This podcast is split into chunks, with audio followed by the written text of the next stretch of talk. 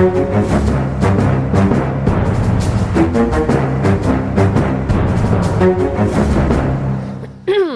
men fint. Da er vi i gang med Aftenpodden eh, 2021. Eh, godt For et år det skal bli!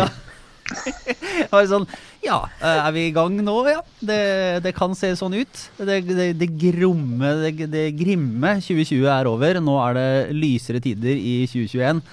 Januar er i gang, Ah. verden eh, brenner eller et eller annet. Det er, det er fortsatt litt opptur igjen, men eh, Kjetil Alstheim, godt nyttår. Godt nyttår. Hyggelig å ha deg i studio sammen med Sara Sørheim. Godt nyttår. Ja, vi- ja, vi får vel bare si det. Godt nyttår. Men det eneste jeg klarer å tenke på, det er det bildet som jeg har sett på internett av en klovn som viser en annen klovn rundt, og så står det sånn 2020 viser 2021 rundt i kontorlandskapet. Men ja, vi prøver. Vi prøver. God morgen. Ja, og inne fra, på, på telefon fra Hva skal vi kalle det? Er det et uh, lite karantenehotell Eilertsen? Ja, altså det er jo hjemmekontoret, da, og så må vi få svar på en test her i nær krets før vi går eh, ut i verden. Ja, ikke sant? Ja. Men du er i fin form. Jeg er i kanonform, skal jeg bare si deg. Altså, jeg tror Trine Eilertsen er det stedet koronaviruset liksom taper. Ja, Det det er der koronaviruset kommer for å dø. Det er min kropp. Du får den der, når koronaviruset møter bossen eh, til slutt, så, eh, så går det til, eh, til Trine og, og tester seg på det immunforsvaret.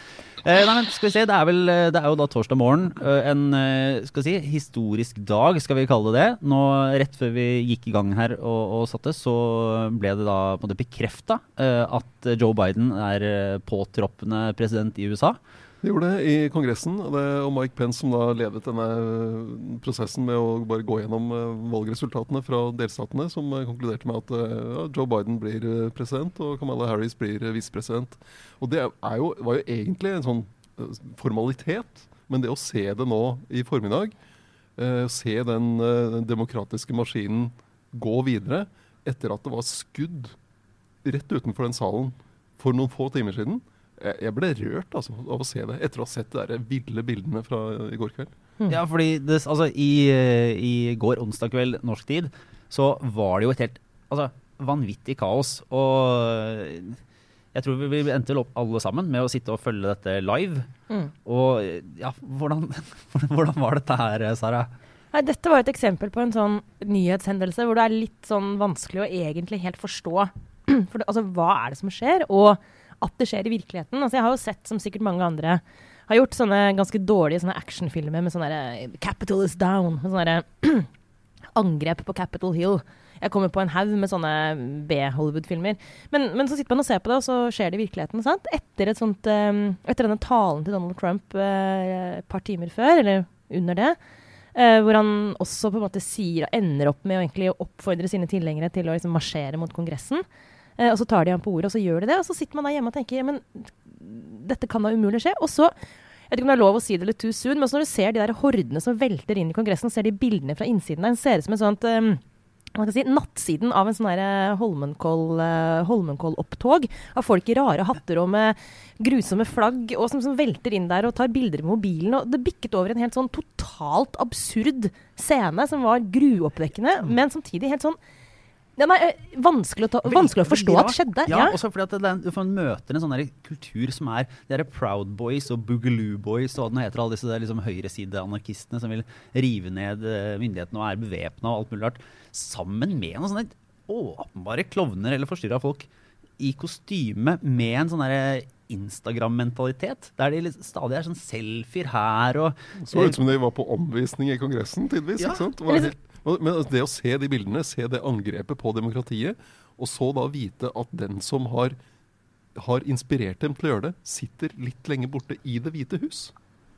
Ja, det var helt eh, Det var, det var en helt eh, Jeg syns fortsatt det er vanskelig å på en måte beskrive den miksen av eh, følelser, faktisk. Fordi det er så utrolig sterkt symbol, det bygget. Eh, og så er det, var det så vanvittig respektløst. Altså det der bildet av de demonstrantene inne på kontoret til Nancy Pelosi også, hvor de som river i stykker ting og sitter i stolen hennes og tar bilde av seg selv. Og, ja, jeg tror liksom Respektløst, eller nesten blasfemisk, er et sånt ord som, eh, som kommer, kommer opp. da.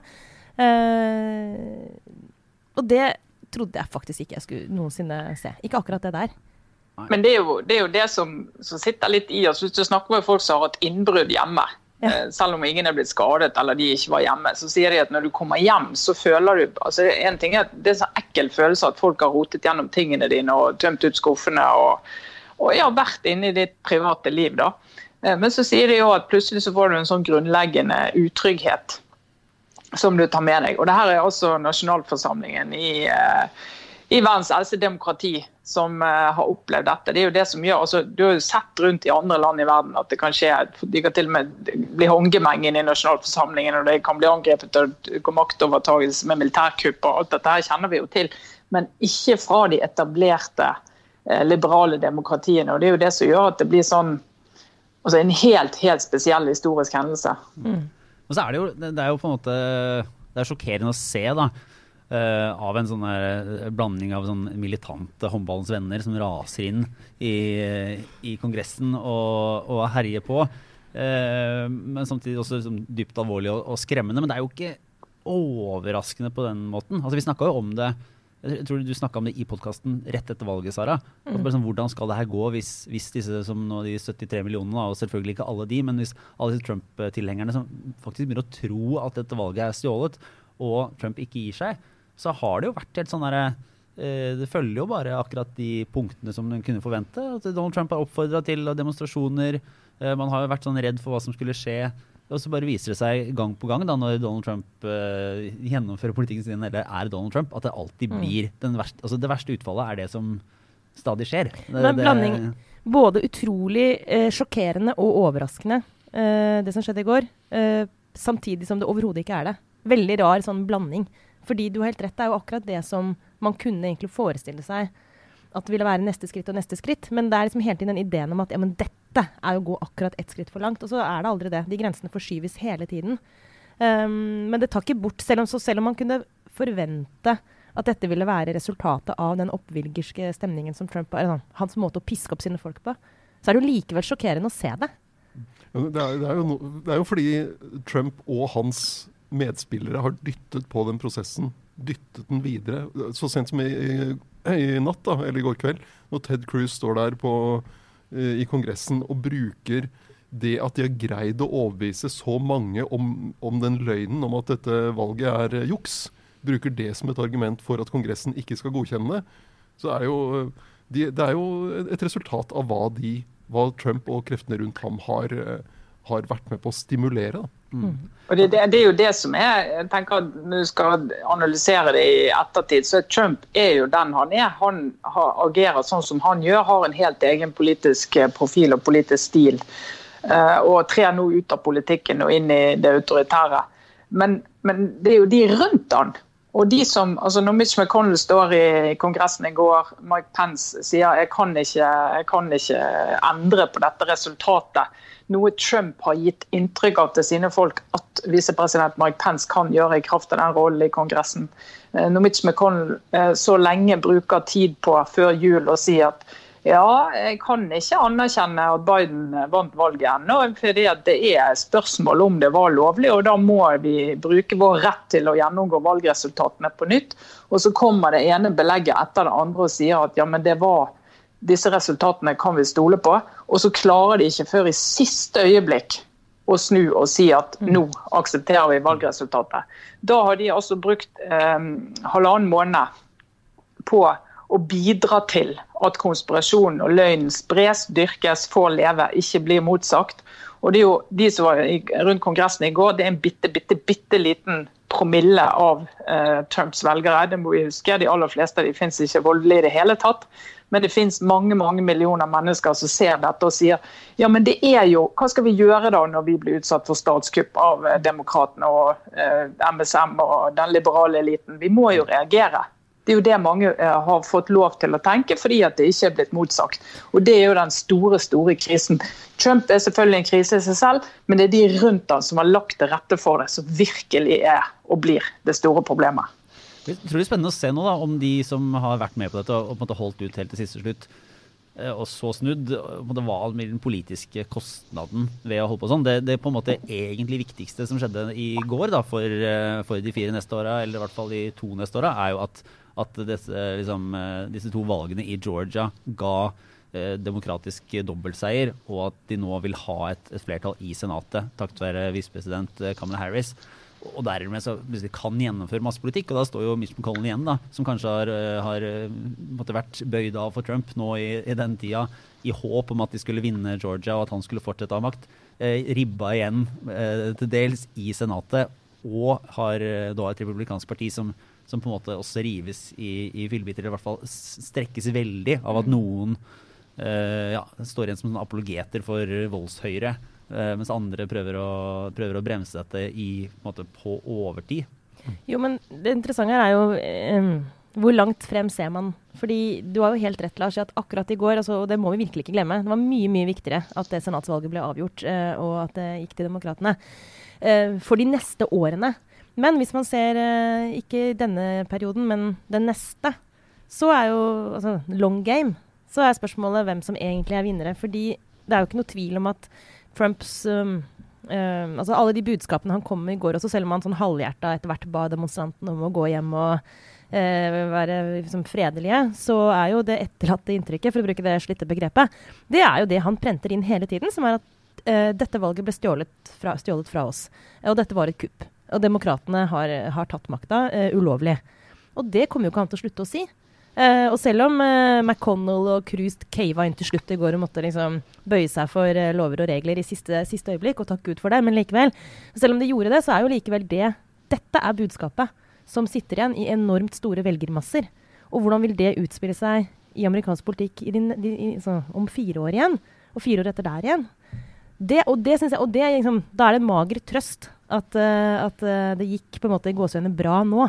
Fordi mm. dette her går jo ikke over. Men nei, det er jo på en måte, eh, Noen vil jo si at dette da i, i både amerikansk perspektiv og litt sånn større perspektiv er en lekse for de som har trodd at uh, på en måte demokratiet vil, uh, vil, holde. Nå kan man si at det har jo på en måte holdt, da, altså rettsinstansene har, har bidratt til allting. Men at, at det er liksom at man ikke klarte å stoppe veien mot en sånn autoritær semifascisme tidligere. Og man har på en måte trodd stadig at uh, man kunne ja, debattere, innvende, at det liksom skal opp i lyset. alt den der, Det ser man litt på reaksjonene nå også. At, at det er en, uh, en, leksjon om at hvis du ikke sier liksom full stopp, så utarter det. Så ender det her. Det er jo en del som har ment at det kommer til å til å spinne ut i dette her? Jeg, synes det viser jo at det amerikanske demokratiet er, eh, er sterkt i, i den forstand at institusjonene har gjort jobben sin i disse månedene, og Kongressen har gjort jobben sin nå og forsvart uh, det amerikanske demokratiet.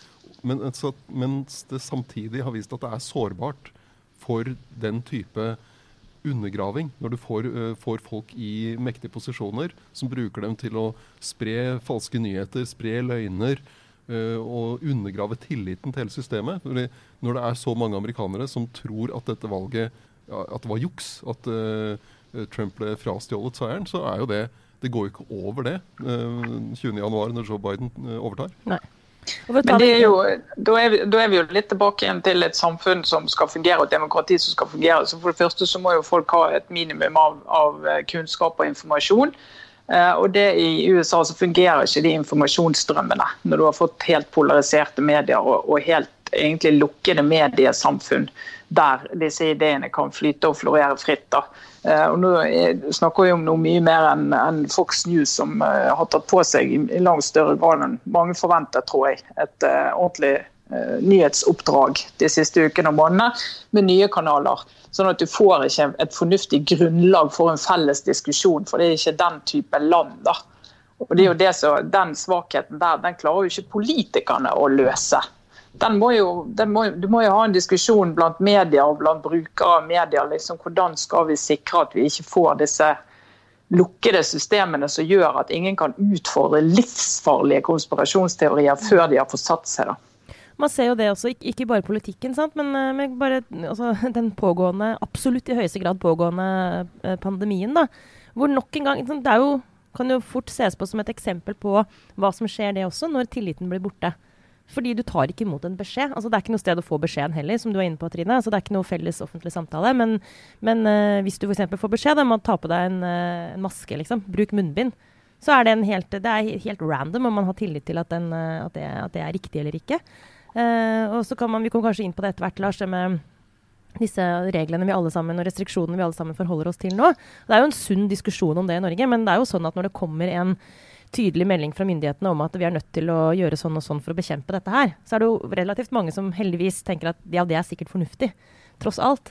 Men bare det der, um, altså et samfunns evne til å stå imot en trussel eller til å takle en vanskelig situasjon forvitrer jo med den tilliten ikke sant, når den blir borte. Så det er jo et stort problem for, for det amerikanske politiske systemet. Men det er også et problem mye større enn som så. Når når ikke lenger det er uh, når, når, tillits, når, tillitsbasen i samfunnet blir borte. Mm. Men eh, vi kan jo gå videre til, uh, til si, Har det skjedd noe annet? Det har skjedd litt annet siden sist vi satt i studio? Ja, ja det, det var brexit. en liten ting. Altså, Julaften-brexit.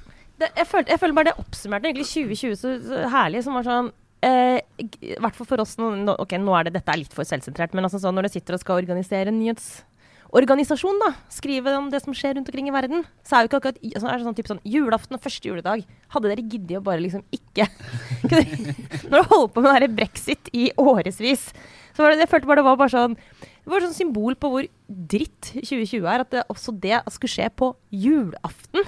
Sånn midt i middagen. Men, men. Men det har vi allerede glemt. Så det var noe sånn OK, det skjedde, men det ble jo egentlig en parentes, det også. Disse ukene har vært helt vanvittige. Og det har vært så mye som har skjedd at uh, en aldri så liten brexit nesten bare ja. ja det forsvinner helt i, ja. i, i, i bak der. Da, i, i, tillegg til ja, og, ja, altså, Også for Storbritannia, som har uh, altså, De fikk i land den avtalen, som jo er bra for både Storbritannia og EU. Også, men der er det jo altså, helt ekstrem smittesituasjon, store ja. problemer i helsevesenet og en ny lock, nasjonal lockdown. Så de har jo også andre ting å tenke på enn Et nytt virus? Minst, minst, et nytt virus. Nytt og ja. mer effektivt virus. Ja. oh.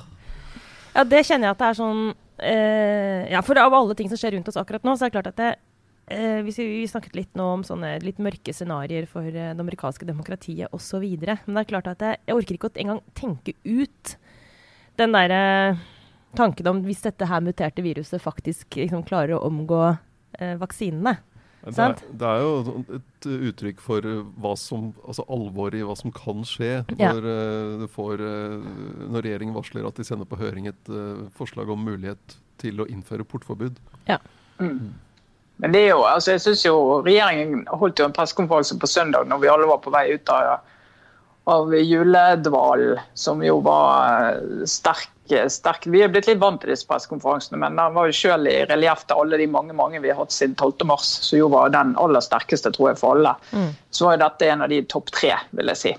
Uh, men, men, jeg syns jo det er fascinerende da, at veldig mye sånn umiddelbare reaksjon er uh, hvorfor, kommer, hvorfor får vi så kort varsel? Hvorfor får vi ikke vite før at uh, vi er nødt til å endre ting på mandag? Og hvorfor kommer ikke regjeringen med det før, da? Men jeg tenker, altså, Det kan jo ikke finnes en eneste virksomhet, organisasjon, bedrift, skole i Norge som ikke har tenkt tanken at viruset kom til å blomstre opp i julen, og at vi kom til å måtte stramme inn i januar, og hadde planer for det. Altså, det nekter jeg å tro. Da har du hatt hodet helt i sanden. da. Så det er sånne enorme og skulle hatt beskjed hvorfor, kommer, hvorfor er det så kort varsel, og hvorfor får ikke studentene beskjed før og alt det der. Greit, de kunne sikkert fått beskjed en dag før, men altså, det er liksom ikke en nasjonal krise at vi ser at uh, der gikk tallet i været. Som ventet, og verre enn vi fryktet. Vi vet at det er nytt, en ny virusversjon rundt og reiser som vi er veldig redd for. Vi må bare agere med en gang. Men er, det sånn, er dere opp, eh, oppfatningen nå Det her er på, liksom, på synsnivå, eller det var etterlatt inntrykk, da. Eh, men, men, eh, det er jo alltid med disse liksom, Med tiltaka så er det, sånn, det, er som, det er på en måte noe som er å svare på en helt sånn konkret situasjon der og da for å løse et akutt problem. Så er det noe som er å måte, forskuttere eller passe på at man ikke havner bakpå, være liksom forut for noe. Og så er det noe det vet jeg ikke om man vil erkjenne helt sånn åpent, men som også er sånn eh, gi et tydelig signal som skaper en forståelse i befolkningen. Mm. Eh, hvordan har dere oppfatta de eh, endringene som kommer nå? Altså, hvis, vi tegner, hvis, vi aksepterer de tre alternativene, hva, hva er det her mest? Ja, altså det, det, er jo viktig å huske at uh, ut fra smittevernloven så skal jo tiltakene være forholdsmessige. Så det å sette inn sånn uh, for sikkerhets skyld-tiltak, det, det, det, kan man jo ikke gjøre Det skal jo være ut fra den reelle smittesituasjonen. Og det kan man jo spørre om de, om de egentlig har gått for langt når det gjelder eh, skoletiltak i hele landet, også i kommuner der du ikke har sett en smittet siden den forrige turistbussen kjørte gjennom eh, Siden de er bygda 30 i- pensjonistene kjører rundt i gang i august eller september. Så det, det, det er jo Det har det jo vært en liten debatt om nå, som jeg mener er helt på sin plass. Og, og opposisjonen har bedt om en redegjørelse fra Erna Solberg. Eh, Som også er helt på sin plass. Men samtidig har jo da Stortinget funnet ut at vi bare utsetter åpningen en uke til, vi. Sånn at de skal ikke være tilbake før 18. eh, når eh, da disse tiltakene ja, skal være over. Det tror, vi, tror jeg noe midt om. Men uh, akkurat det er litt pussig. Altså, jeg mener at uh, Stortinget burde jo bedt om å få den redegjørelsen nå. Og åpnet uh, en De skal jo egentlig åpne nå kommende mandag. De burde kalt inn til et møte nå og fått Erna Solberg inn i salen Mm. for å ha den debatten der den hører hjemme. Mm. Det er regjeringens eh, Regjeringen har, eh, har rett til å gjøre det de gjør. Og Sånn er systemet, men det å ha at uh, opposisjonen får muligheten til å stille de kritiske spørsmålene, ikke bare i Politisk kvarter og Dagsnytt 18, men i stortingssalen, ville jo vært uh, riktig. Og det er viktig å ha den debatten selv om man uh, er enig i at det nok var klokt å innføre tiltak. Altså for, rett og slett fordi at når, når tiltakene er så eh, går så langt inn i folks private liv. Altså, vi, vi har ikke lov, eller vi vil i hvert fall bli innstendig bedt om å ikke ha gjester i våre egne hjem. Det kan godt hende at det er helt riktig. Eh, Det føles sånn akkurat nå, uten at jeg er noen som helst form for medisinsk ekspert.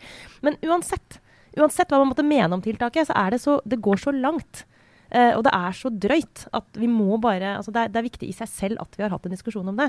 Uh, og det syns jeg kanskje har vært litt sånn, og det, jeg skjønner det godt, men jeg syns jo opposisjonen liksom Vi har snakka om det før i poden også. De vakler jo litt, vimser litt, liksom. For det er en sånn idé tror jeg, om at vi må jo reagere på dette her på en eller annen måte. Og vi må jo være kritiske, men fra hvilken retning skal vi egentlig være det? Og det, det har jeg forståelse for, fordi det er en så spesiell situasjon. Men jeg tror på en måte at det å konsentrere seg om at ok, men hvordan institusjonelt skal vi forholde oss til dette? kan være en god vei. Og da er nettopp det å kalle inn statsministeren til Stortinget og få den redegjørelsen, det er en måte å markere på, at man tar det på alvor på. Uh, og hun bør jo ha en god redegjørelse. Og så tenker jeg, Lars, når det gjelder det med hva er en sånn på en måte, Hvilke tiltak er reelle, og hvilke ting gjør man for å liksom, berede grunnen for noe som kommer senere, eller for å varsle litt, eller for å på en måte advare litt. da. Så tenkte jeg i går, når den portforbud-saken kom, at det, at det kom frem på en eller annen måte at uh, Mæland eh, og departementet har begynt å utrede, eller har jobbet en stund med å utrede liksom, et grunnlag for et mulig portforbud. Den tok jeg på kontoen over sånn Dette er lekket med vilje, for å understreke alvoret. Men tenk dere den jobben de smittesporerne er, og hva de kommer borti når de skal gå opp eh, hvem folk har hatt kontakt med. Altså det, Den TV-serien der, 'Smittesporerne', eh, historiene, det, den, det tenker jeg kunne bli Det kan vi kose oss med utover i 2021. Men ser du det for deg som et sånn, eh, sånn eh, dokudrama, reality à la Flyplassen 24-7? Eller mer som en sånn detektivserie, eller hva skal jeg si, menneskelig dramaserie? Nei, altså jeg, jeg er nok mer over i den derre uh, mer sånn um, romcom. Ja. fordi at uh, det, som jo, det som jo må være veldig gøy Hvis det er lov å si nå, jeg vet ikke, det er en veldig alvorlig situasjon. Men vi kan ikke være sånn gravalvorlig hele Nei. tiden. Det går ikke, da orker jeg ikke mer. Men eh, jo, fordi at når, når du skal liksom svare sant på den 'Hvem har du møtt?' de siste dagene. Hvordan ble du smitta? Det må jo være historier der om folk som har møtt folk de ikke skulle møtt. Eh, Ja. Og som blir tvunget til å fortelle til smittesporerne. Og så tenker jeg de må jo ha noen kaffepauser der de sitter, hvor de forteller hverandre disse historiene. Altså, Det må jo være så mange drøye ting de får vite. Er det sånn at uh, nå det, at, måte, det her er det sånn, at kjendiser har de samme uh, smittesporerne som andre? Ja, Eller er det egne sånne kjendissmittesporere som tipper sånn VIP-smittesporer? Litt mer diskré måte? Altså, tenker sånn Det var jo han der kompisen han ungarske eh, representanten i EU-parlamentet fra før jul, som han veldig konservative sa han fordømte både homofili og alt som er, og så ble eh, på, si reidet på denne store, eh, veldig gøye homofesten i. Brussel. Og det Den eh, smittesporingen der, den eh, er jo episk. Ja. Det er Men de også- historiene vi vil se, bare lett anonymisert. Litt sånn Atlantic Crossing-aktig i forhold til virkeligheten. Det trenger ikke være anonymisert. Men dere er han svenske beredskapssjefen også. Han som dro til Kanariøyene, ja. Det er bare Sverige Jeg har jo på en måte vilt være sympatisk innstilt til den svenske tilnærminga. eh, fordi det er liksom tillitsbasert og, og spiller på det Koselig, beste. liksom. Ja, ja, Men, men Altså, de skuffer gang på gang. Det, ser ikke bra ut. Nei, det ser ikke bra ut. Men det er også som du var inne på, Trine. Altså, viruset det er klasseløst, kan du si.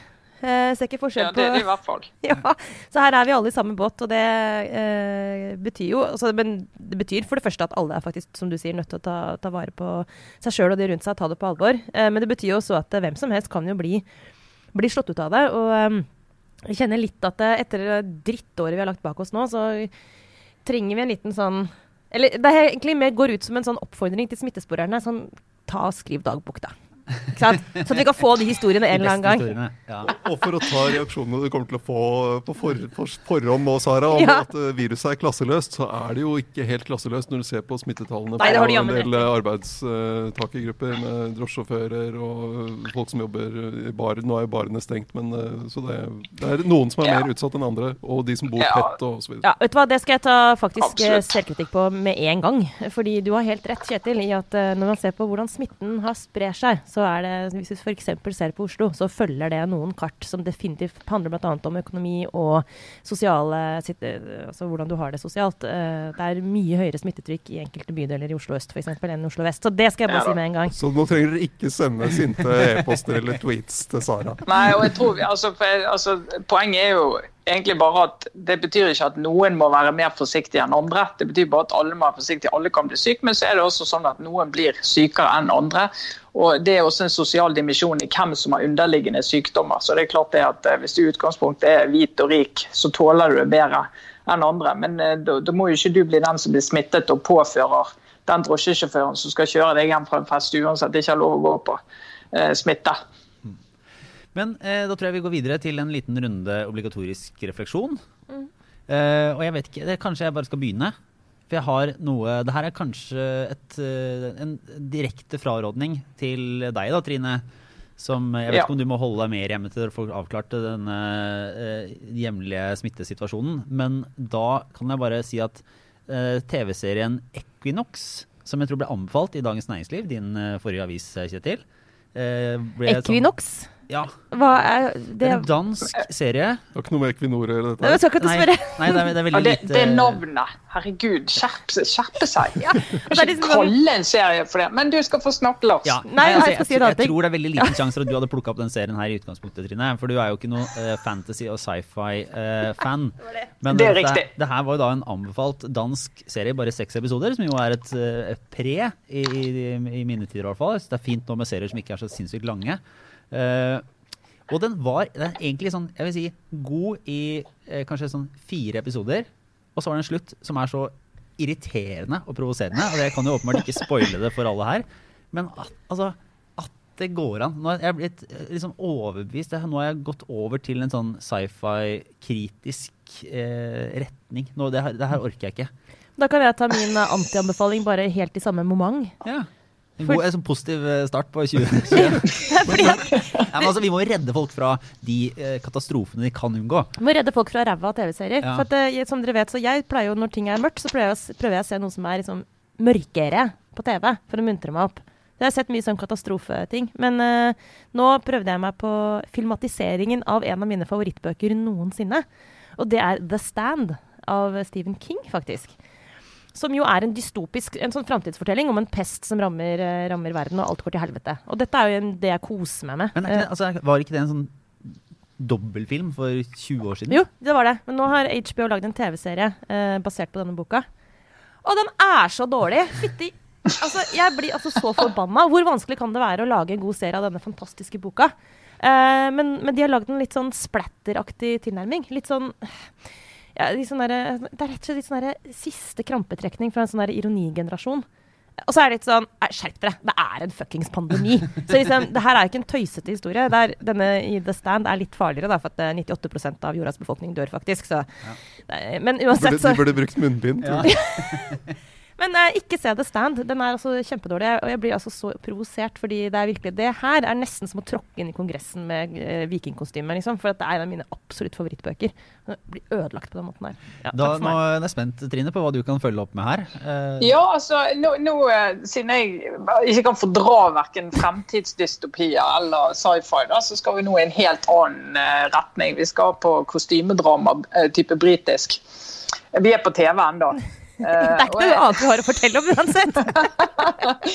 Nei, jeg har lest masse bøker i julen, men de kan vi komme tilbake til. Mye, mye bra norsk som er kommet, så går an å snakke om. Men siden vi er i TV-land, så fant jeg ut at det er jo alltid gøy å se sånne britiske kostymedrama fra rundt 1800-ish. Uh, så da bestemte jeg meg for å se Bridgerton på, på Netflix, uh, som er en sånn klassisk historie. Altså Historien er jo ikke unik i det hele tatt. Det liksom handler om en, en familie med masse døtre, og alle disse døtrene må jo prøve å bli giftet bort, og det er medgift, og det er klasse, og det er eh, mye greier. Men det som er med denne serien, er jo at um, hun som har laget den, hun har bestemt seg for å kaste helt fargeblindt.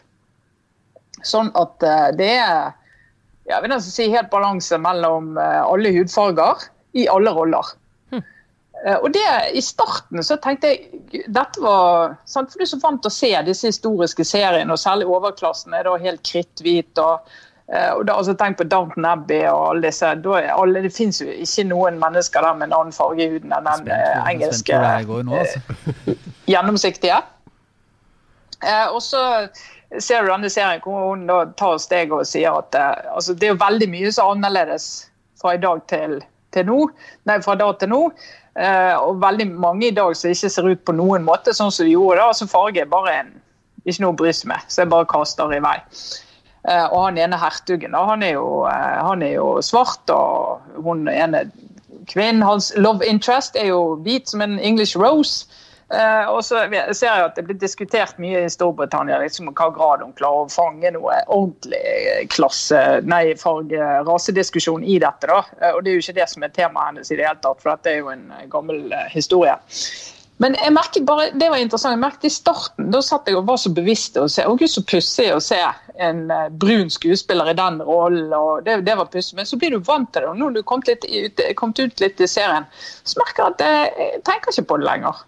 Det er liksom, da er det bare Ja, nei, noen er, noen er sånn og noen er sånn. Det, det er jo rett og slett sånn brudd med denne gamle forventningen om at du skal Det er så utrolig viktig å ha hvite skuespillere i de hva skal jeg si, gamle rolle, for det var det kun de som var elite.